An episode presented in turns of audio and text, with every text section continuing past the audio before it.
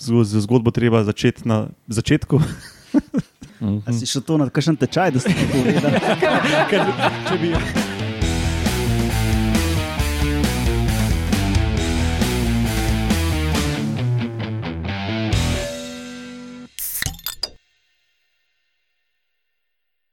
Lepo zdrav, poslušate 186. oddajo Metamorfoza, podcast o biologiji organizmov, ki vam jo kot vedno predstavimo skozi lahkoten pogovor o pivu.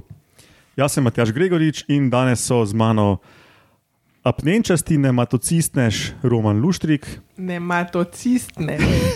Ne vem, zakaj sem mislila, da bo to Lauro. uh, kvazi organelna žveplasta dolginka Alenka Rozman, Tu sem jaz. potapljajoča komentatorka Urša Fležar Mm, ja. in mesoljubni komentator Lauro Rozman. Zdravo, sem jaz, vidiš, da sem to A jaz. ja, ker si čevape pekel prej, ali kaj. Pismo danes so ta imena, cele, cele povedi, ki ene titule nekih eh, plemičev. Čeprav samo Alenka ima tri besede, ne. Dobro, so bile bolj dolge besede. ne. Sestavljene, sestavljene. Uh, ja, no, in um, danes imamo na sporedu med novicami eno novo raziskavo o tem, kakšno vlogo je imelo perje pri dinozaurih v njihovi evoluciji. Tako da nekaj bomo govorili o dinozaurih in o množičnih izumiranjih in takih rečeh. Pa potem, kdo to tam poje. Roman bo povedal malo več o zvoku, ki smo ga prejšnjo redno epizodo špilali. In vaški posebnež danes, um, ena na novo odkrita in kar posebna bakterija. Ja, uh, Metamorfoza ima svojo spletno bazno postajo na medijskem mreži Metina Lista, uh, tam so tudi druge znanstvene novice, poglejte. Ne? Vse druge admin zadeve na koncu, in preden zagrizemo v to epizodo, povemo še, kdaj to snemamo. Na tanko, na današnji dan, leta 1915, torej pred natanko 107 leti, se je rodil Donald Redfield Griffin, ameriški zoolog. On je bil pomemben raziskovalec uh, v področjih vedenja živali, akustične orientacije in senzorične biofizike. In prav on je tisti, ki je leta 1944 pogruntal in tudi poimenoval eholokacijo pri netopirjih. A po njem je pol ta Gryffindor. On je- mogoče, ne? Pa on je tudi sodeloval z vojsko in uh, pa mislim, da pr, uh, naredil slušalke za komunikacijo med uh, temi voki-toki. A ni neko zračno plovilo Griffin imen- imenovano, ali se Ja. ja. na robe spomnim? Mrske je Griffin. Tudi pa res, da naj, ni najbolj redek primek. ne. ja. Je tudi Griffinov um, jastreb, tako da pa dvomim, da je po njem. A niso originalno to unebeslovna bitja, ki so pol orli, pa pol levi. Je tako. A je, ne? Mhm. Včasih mi tudi ob tak tako pozni uri še kaj dela možgansko. Uh, Roman, bi ti še rad kaj dodal, Ja. mogoče? Danes, na današnji dan, ob tej uri, um, po uh, standardnem evropskem času, leta 63, se je rodil James Allen Hetfield. O, Ja. In kdo je bil ta tip? Um, pevec in kitarist uh, uh, uh, Narodno-zabavnega orkestra uh, Metallica. Aha, ok, no pa se pa je bilo upravičeno. Pred Oha. desetinami epizod, Roman, če se spomniš, smo dali ene slere noter. Ja, lahko damo to zdaj se tudi še spomnim. metaliko, par sekund, uh, lahko izbereš komat, če imaš kaj priljubljenega, če ne pa jaz. Glasbena želja. Zdaj bo Sandman, uh, v petek pride od. Uh, Dobro, te pa pa Enter Sandman. Okay. Par sekund, da nas ne bojo zaprli. Ja. Ker Metallica je znana ja, potem, da o- Oni preganja. so analci okoli tega. Ja. Lars Urlih, tega nisi slišal.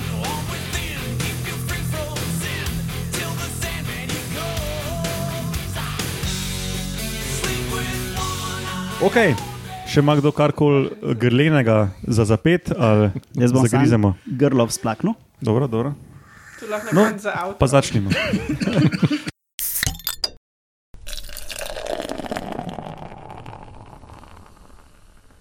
Ja, ok, začnemo z dinozauri in množičnimi izumiranji in njihovim perjem in mrazom in takim. To sem mogel zdaj povedati, da bodo ljudje ostali za zgodbo, ker je pač z, zgodbo treba začeti na začetku.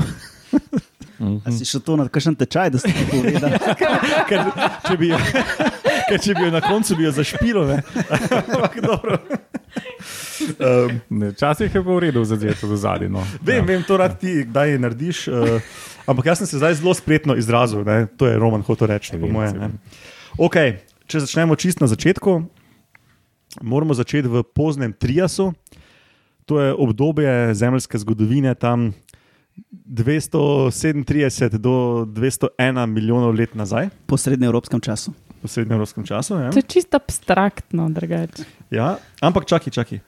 No, in to je obdobje, ko, so atmo, ko je atmosferski CO2 bil najvišje v zadnjih 400 milijonih let. Aha, tropi po celi zemlji. Ja, in čakaj, ja. to je edino obdobje v zgodovini, ko obstaja kompleksno življenje na planetu, za katerega nimamo dokazov, da bi obstajal sneg in led. Ne. In se je pač domnevalo, da tisti čas, ne, tistih nekaj deset milijonov let, so bili posod, je bilo posod toplo, pa gozdi do severnega pola in tako. Ampak danes imamo že kar nekaj pametnih ljudi, ki vejo nekaj o matematiki, pa statistiki, pa modeliranju, pa tako ne. In modeli pa ne potrjujejo teh, uh, tega manjka dokazov o snegu in ledu. Ampak ravno, ravno nasprotno. Ja. Pač empiričnih podatkov še ni, se pravi, tisti, ki bi jih najdli um, nekje v sedimentu. Snežinka. Do tega članka, ne? Snežink še niso najdel v fosilih. Ja. do tega članka, prva novost tega članka je to, da imamo zdaj empirične dokaze iz sedimentov, da je v tistem obdobju obsta obstajal uh, na visokih uh, zemljepisnih širinah sneg in led. Oh, cool. In da sploh ni bilo tropi in subtropi do polov. Uh, no, in uh, kaj je takrat hodilo po zemlji? Ne? Tu pa moram malo, malo se dotakniti sistematike, pa ostanite z mano. Ne? Med drugim so bili zelo pogosti vretenčarski, veliki, velike živali, predstavniki skupine Zaurija, dinozauri, ne? Zaurija, reptili, plazivci. Uh, in to sta dve glavni skupini. Eni se reče lepidomorfa, to so uh, predniki današnjih uh, kuščarjev, kač in tuatare. Tuataro smo enkrat imeli, to je ona z tretjim očesom in take fore. Ne? Na Novi Zelandiji na treh otročki, otočkih. Zgleda kot kuščar, ampak je nekaj drugega, ne, nekaj, nekaj, nekaj čudnega. Ne? Mm.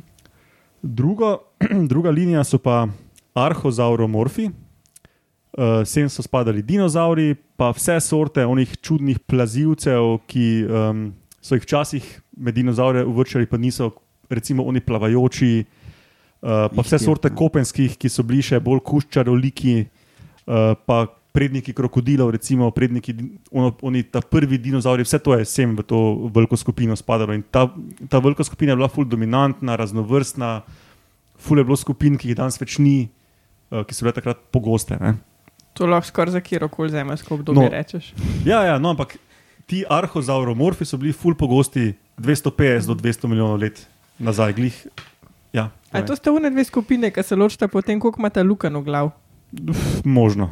Meni se zdi, to se nekaj spomnim. So Prav. diapsidni teropodi, kot se reče, ampak pustimo to. Ne? no, in kaj spet pokaže ta nov članek?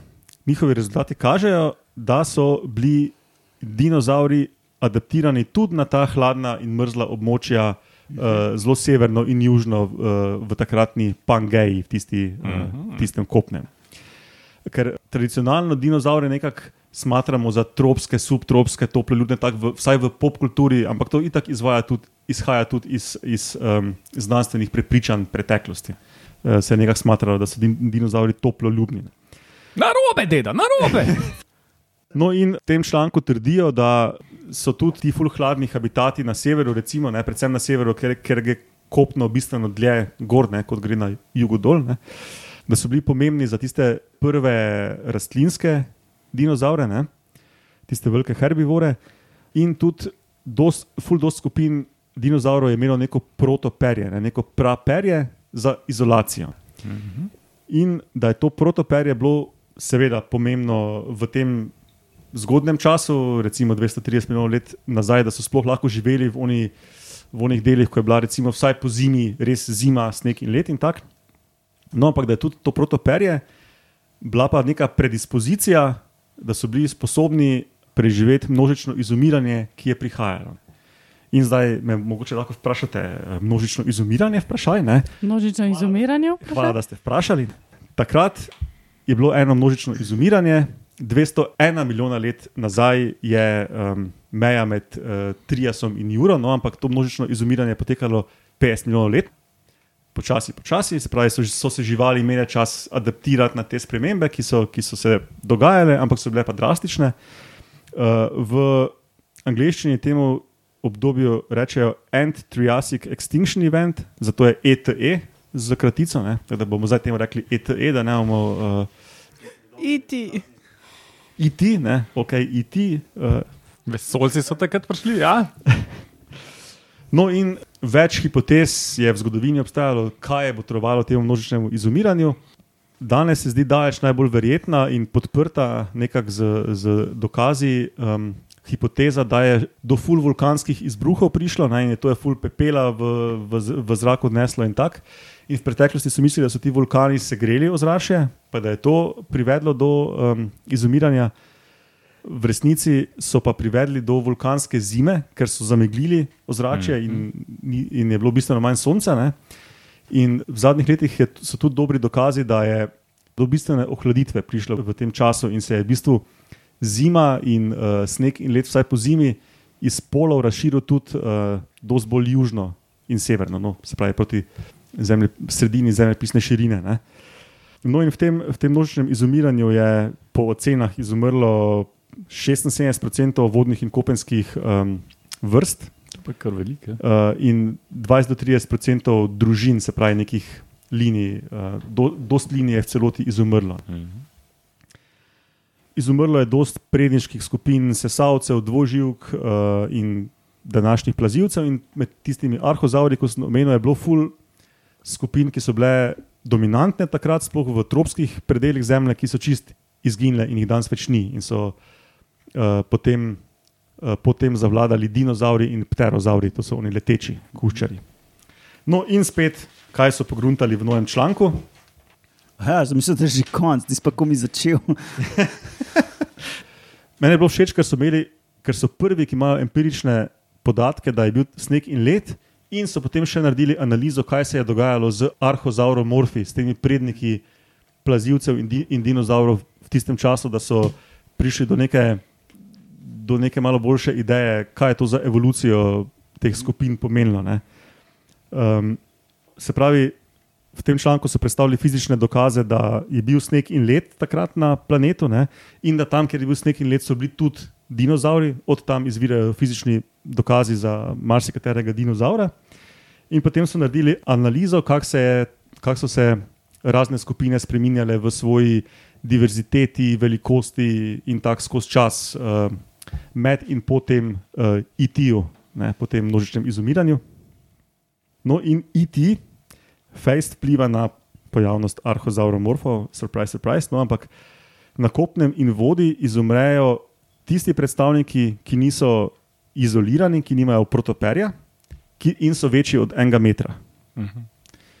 In hipoteza je, da, da tisti majhni, ker je pač to bilo počasno um, ohlajanje ozračja, da tisti majhni so imeli možnost se adaptirati z spremembo habitata. Recimo, predniki želo so znani po tem, da so bili podzemni, da so kopali ne, in so se verjetno na ta način ščitili pred ekstremnimi tem, temperaturami. In lahko da je dosti teh malih imelo neke podobne adaptacije takrat. Krat si skopal brlog. Ja, oni, oni gromozanski so pa, pač, so pa pač linije izginile, izumrle, kakorkoli, ne, so jih nadomestile manjše. Ali pa so lahko migrirali kam Pa drugam. tudi mogoče bil problem. Ja, niso hrano. mogli, ne, če je vedno bolj hladno bilo, se, se nisi mogel na sever, Aha, pa jug, aha, ne, aha. si pač izginil. No, potem pa, ko so pogledali pa izolirane arhozauromorfe, se pravi dinozaure, oziroma tiste linije dinozaurovih prednikov, predniških teh plazivcev, arhozauromorfov, ki so pa imeli protoperje, ne, uh, ti pa ne kažejo nobenih vzorcev izumiranja, ampak celo obratno. Raznovrstnost se je povečala, poprečju so se povečali za 20% telesne velikosti, kar pomeni podvojitev telesne mase, kljub temu, da so drugi veliki izumirali. In tisti, ki so bili prej omejeni samo na neke sever-jug, so se razširili tudi proti bivšim tropom. Spravi so zauzeli neke niše, ki so jih sprostili oni, ta veliki plazivci, ki so izumrli. Golišavi. ja, tako. Um, no, ja, in potem še dodajajo, da, da zdaj je jasno, da je protoperje bilo vsaj sezonsko prisotno pri prednikih dinozaurov in da, in da je to adaptacija na mraz, ne, in da ni res ta neka domneva, ali pa da vsaj njihovi podatki zavračajo to neko domnevo, ki je dolgo krožila, ali pa še kroži, ne vem.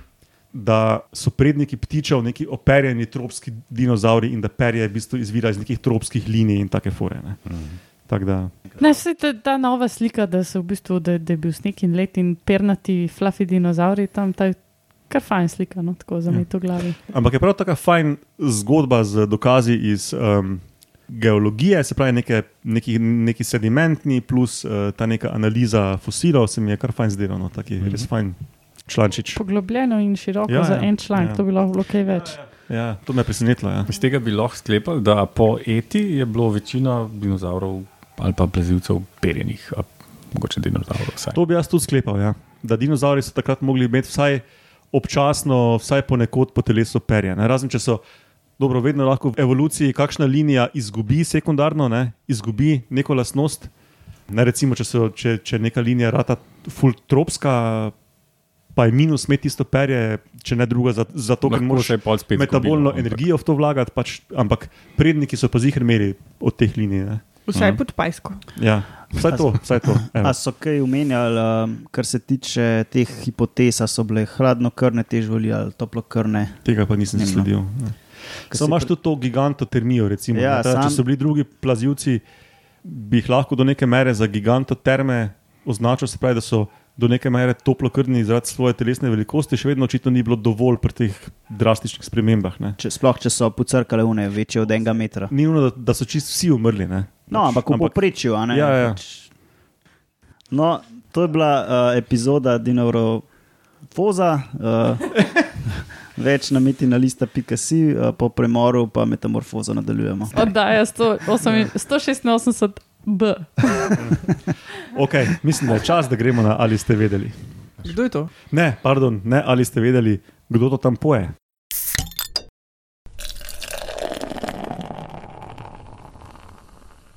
Pa lahko tudi vi ugibate, ker v bistvu sem jaz to post-feštom, kot Roman rad reče, posnel. Uh, nisem za to mizo um, špilal zvoka, ker sem pozabil takrat. Mm -hmm. Ne vem, če ste, če ste poslušali prejšnjo epizodo ali ne. Jaz sem. Smo. sas- jaz Ste, sem. ampak ste že pozabili. Ne? Mogoče. Mi smo bila na dopustu. No, ampak, ja, no, ampak to, to je zvok iz prejšnje epizode.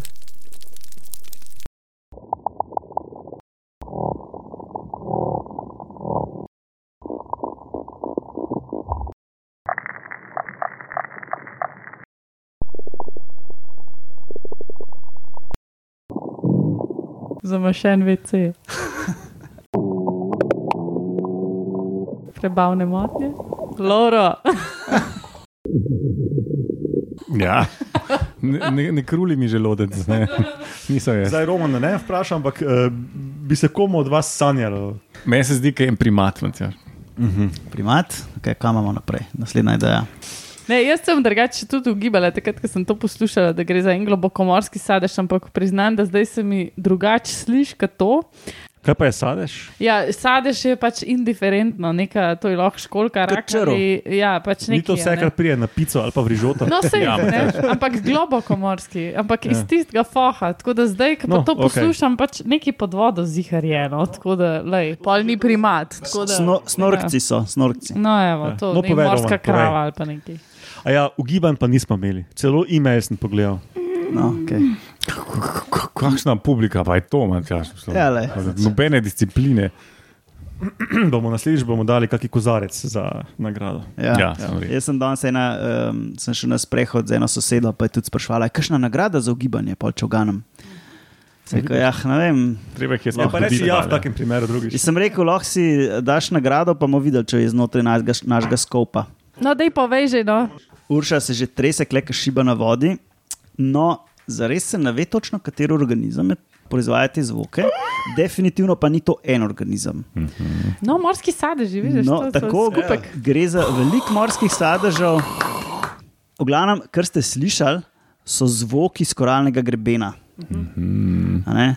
In na tem koralnem grebenu, v, konkretno v Južnem Sulaveziju, so dali pač mikrofone v vodo, pa so kakšno uro snemali uh, in so ujeli vse te uh, zvoke, ki bi jih uh, lahko prevedli kot škrabljanje, trk, trkanje, prede, predenje, Um, ma- Prdenje, misliš. uh, ja, mogoče. Vmes je bilo tako. No, zelo. ampak, ja, ampak oni rečemo, da je uh, uh, blow a raspberry. Tis, ja, no, ampak jaz sem malinjanje to prevedel. Ne, vem, kako. Prdenje, ok. Um, krokanje, um, pol imaš tam, ki bi en rok tu, uh, v rok uh, pihal, uh, smejanje, navijanje, zavijanje. Pač tako, res tak diapazon nekih čudnih zvokov so posneli. In zakaj je to zanimivo? Ja, zares ni, ker prebereš ta članek, kaj je bila ideja.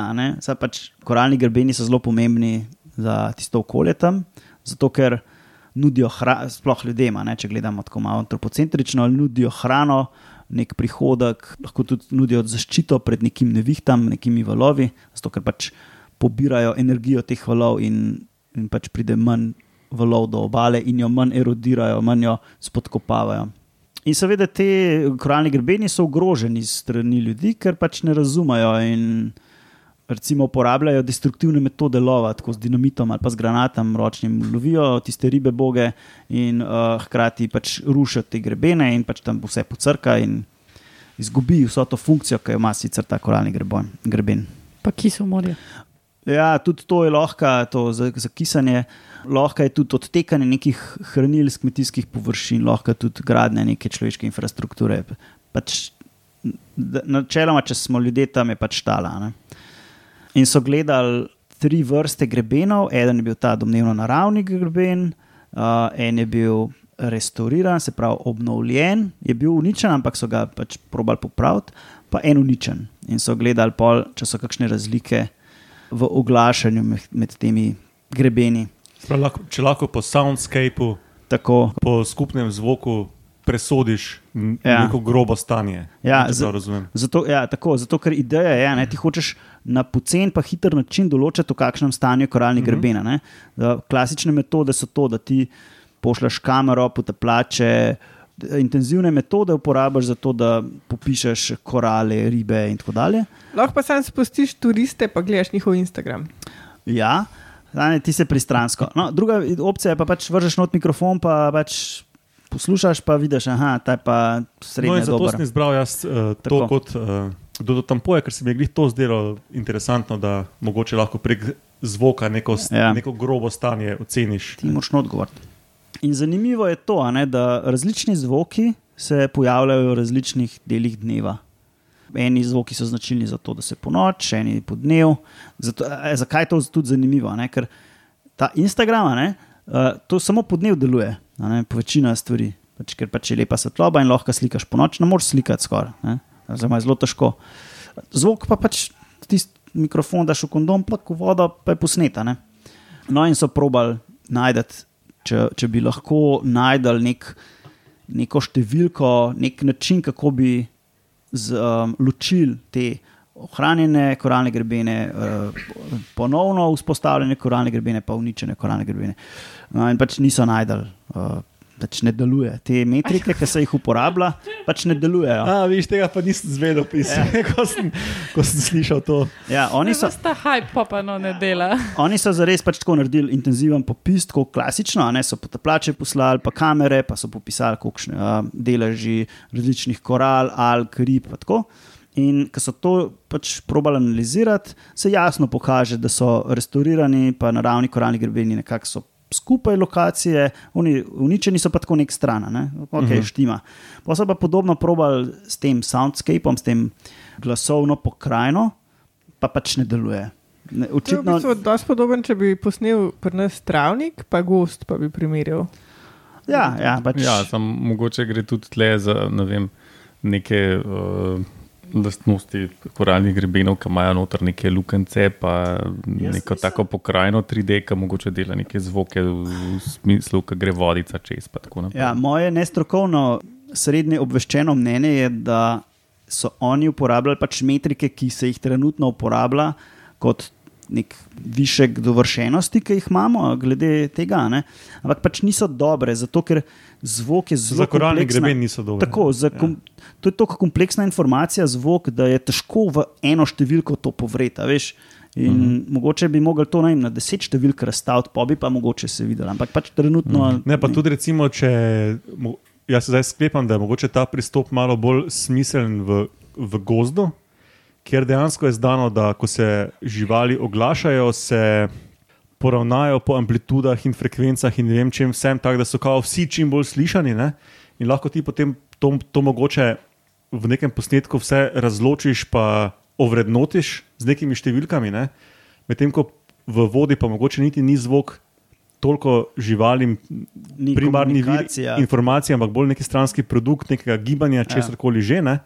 In je zato ful prekrivanja in šuma in izničevanja med sabo in takih pizdarine. Poleg tega zvok se po vodi čist drugače prenaša kot na kopnem. Um, je pa zvok definitivno pomemben za organizme na koralnem grebenu, zato ker recimo, zvok koralnega grebena tudi um, omogoča privabljanje in ustaljevanje nekih ličink organizma. Ne?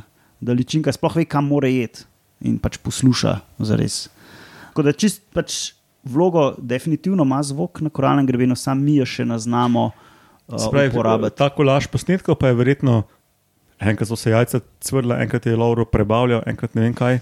So pa verjetno posnetki čez dan, noč, med temi vsemi grebeni, tak in drugač. Tako je. Ne. To so pač izolirani, izolirane zadeve, ampak oni, oni iz tega kompleksnega vrveža probajo eno številko dobiti, ampak zgleda, da to ja. jim narata najboljš. a ne. Mogoče bojo pa v prihodnosti ja. znajdel en drug način preračunanja teh zvokov v eno številko, pa bo pa Ja, število. moče pa ni ena številka najboljša. Moče bi, bi, Zato sem pa rekel, mogoče pa če to na deset številk razstaviš, pa bo bolj. Tako, ne, bi- ne.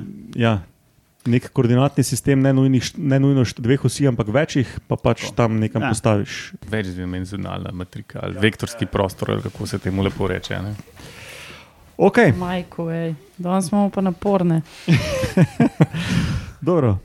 Pol pa gremo uh, še na vaše posebneže za zaključek.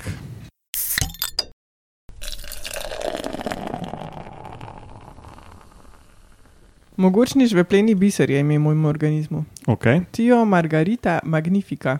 Slišiš se pa nekaj, kar bi spil. Ne? Ja, Tijo, a ni to neki žvepleno. ja sej, žve, žvepleni biser. Ah.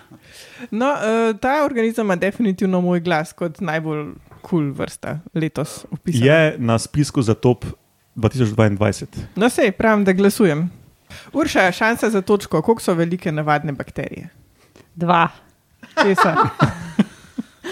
Ne, pa se vemo, da ima Urša probleme s temi razdaljami, pa velikostmi. Pa. To, jih je lahko veliko na mojih prstih. Dva kar se dela. Med 1 in 5 mikrometrov. In njihova velikost je omejena zaradi difuzije, ker pač nimajo nobenih mehanizmov, da bi difuzijo prelisičili. Recimo, človeško telo ima full mehanizmov, eno me- izmed njih je srce, ki pojača to eh, Proti difuzijo. proti difuzijo. Tako je. To, to ni uradni termin, tako da ne v šoli tega reči. Ta alkoholni zvarek Tio Margarita Magnifica je pa velika do 2 cm. Pam, pam, pam. Wow. Ja, to Ampak Ja. je še zmer dva. Ja, vidiš, Urša je imela prav. Ampak to, da je centi pred meter, Ja, je za je- bakterije nevideno. Mhm. To je 20 tisoč mikrometrov. No, Tio Margarita živi na- na Karibih, Mhm. v rdečih mangrovah. Povzorčili so jo že 2009 in so jo vtaknili med glive in puf pozabili. In pol so rabili 10 let, da so ugotovili, da je v bistvu bakterija. Kaj pa dela ta fucking. Kaj dela ona? Oksidira žveplo. Hvala. Je eh, Tijo. ne. ke, kemolito trof. In ima, eh, se pravi, not v svojem telesu take žvepline granulce, ki so se tem raziskovalcem zdeli kot biseri. In tako je dobila svoje ime. Um, um, Ma sestro, ki je Tio Margarita namibiensis, Mm. je pa velika samo do 750 mikrometrov, to je Pa že to je full za bakterijo. 0,75. To Ful, že skoraj vidiš. Ja. Ne, to vidiš. ja. Ja. R- Runs in the family. Paramecijo vidiš, kaj je 300 mikronski. Ali pa 200, ja. 100, 100 je pa nekje, vsaj teoretsko. No, in vprašanje je, ka- kako te bakterije prelisičijo difuzijo, da so lahko tako velike. Ne? Se, v bistvu pač to so samo v dolžino, ko, taka zelo dolga nitka, pa tanka. Uh, imajo vakolo, se pravi tako um, prazno, oziroma vrečko, brezvezno vrečko, da je njihova metabolno aktivna tekočina v bistvu čist pritisnjena ob, ob membrano celično. Ne? Se pravi, imajo v bistvu ful manjši volumen, kot uh, bi se spodobili za to veliko žival, mislim, bakterijo. Ja, v bistvu znotraj so votle, okrog jih pa skoraj nič ni. so ekstremno poliploidne, to se pravi, um, Veliko dednine posod. Pomnožene večkrat. veliko kopij Ja. ja. istih genov. Ja, recimo uh, pol milijona kopij. Kloni same sebe. Ja, ampak ten, ten, ten, DNK je spakirana v vrečke. Kar je fucking weird. Ja, Mhm. Ja, sploh za bakterijo, ker bakterije fejkajo. Se to ne um. No, da bomo spet od začetka za poslušalce, ki so ne biologi, ne, povej mogoče organeli pa to. okay, kako imajo ostale bakterije ponavadi organizirano DNK. Ponavadi imajo en ali pač nekaj cikličnih kromosomov, ki kar tako prosto plava, po pač vse ostali metabolno. To je zdaj eno od teh um, um, telltale sign, a, ne, uh, a je celica prokarionska ali eukarionska je, ali vsebuje jedro. In zdaj ta, ne, Tio Margarita. Je podrla to, ampak ona nima jedra, ampak se ti vrečki reče pepin. Tako da, da, da vemo, kaj je kaj, samo da vemo, kaj je kaj. a ne. Kognitivna dilema uh, izognjena. Ja. No, ampak Ja. ja. skratka bi lahko povzeli za poslušalce tako zelo na simpel, da delimo organizme na eukariote in Jo, Matjaš, mislim, da ljudje, ki poslušajo metamorfozo, to že vajo. ja, no, okay. Um, v glavnem, ena, ena tale bakterijska celica vsebuje več sto tisoč pepinov, se pravi vrečk, ki vsebujejo DNK. Tako da skoraj bi lahko sklepal, da vsak pepin vsebuje samo eno kopijo. Um, so pa te bakterije tudi zato posebne, ker imajo full, full genov in manjka, ker so pri vseh ostalih bakterijah odgovorne za delitev. Tako da pač v tem smislu so malo defektne, da se one sicer jedro, mislim, DNK se jim deli, ampak ne ve, da mora iti pol v svojo celico in pa se tako pač sam Zelo podaljšujejo. legitimen vaški posebno. Mhm. Ja, ja. Napisali so, podarili so v članku, da po ITU, ker si ga glih omenila, da po ITU so pač dinozauri in pterozauri, ampak sploh dinozauri postali dominantni vretenčari velike živali na kopnem in da jih je še danes trikrat več kot sesalcev po številu vrstne. Ja, mm. Zato dinozauri niso izumrli. To, to je No, vse, seveda niso, ampak še vedno so po številu vrst tudi na prvem mestu. Ja. Med uh, vretenčarji na splošno sem šel potem preveriti in jih je trikrat več kot sesalcev, trikrat več kot kuščarjev, petkrat več kot kač in trikrat več kot dvoživk. S- Samo rib je še Evo. več. Rib je več, ja. ampak so Ja. ja. vodne, se pravi, Pač dominantni vodne, na kopnem. Ja. Pa vsi so operjeni. Ja. Uh, to je to, Alenka. ja. Ok, pa je to sklenjeno, to 186. epizodo podcasta Metamorfoza. Kot rečeno, spletna bazna postaja na medijskem mreži Metina Lista. Uh, vse nas dobite na e-mailu, ki sem ga zadnjih nekaj epizod pozabil povedati, metamorfoza afnametinalista.si. Uh, posledajte nas na Facebooku, tam je še marsikaj zanimivega, um, kar objavimo na naši časovnici. Na Twitterju eh, bomo videli vaše odzive, pripombe, komentarje, karkoli na hashtag Metamorfoza, tam je Roman na Etrumuno, jaz et Matjaš Gregorič. In ja, to je to. Ne? Hvala vsem poslušalcem za poslušanje, komentiranje, deljenje, priporočila, donacije, če to zmorete, ful prav prije.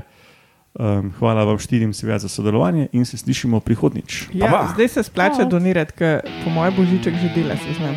Definitivno.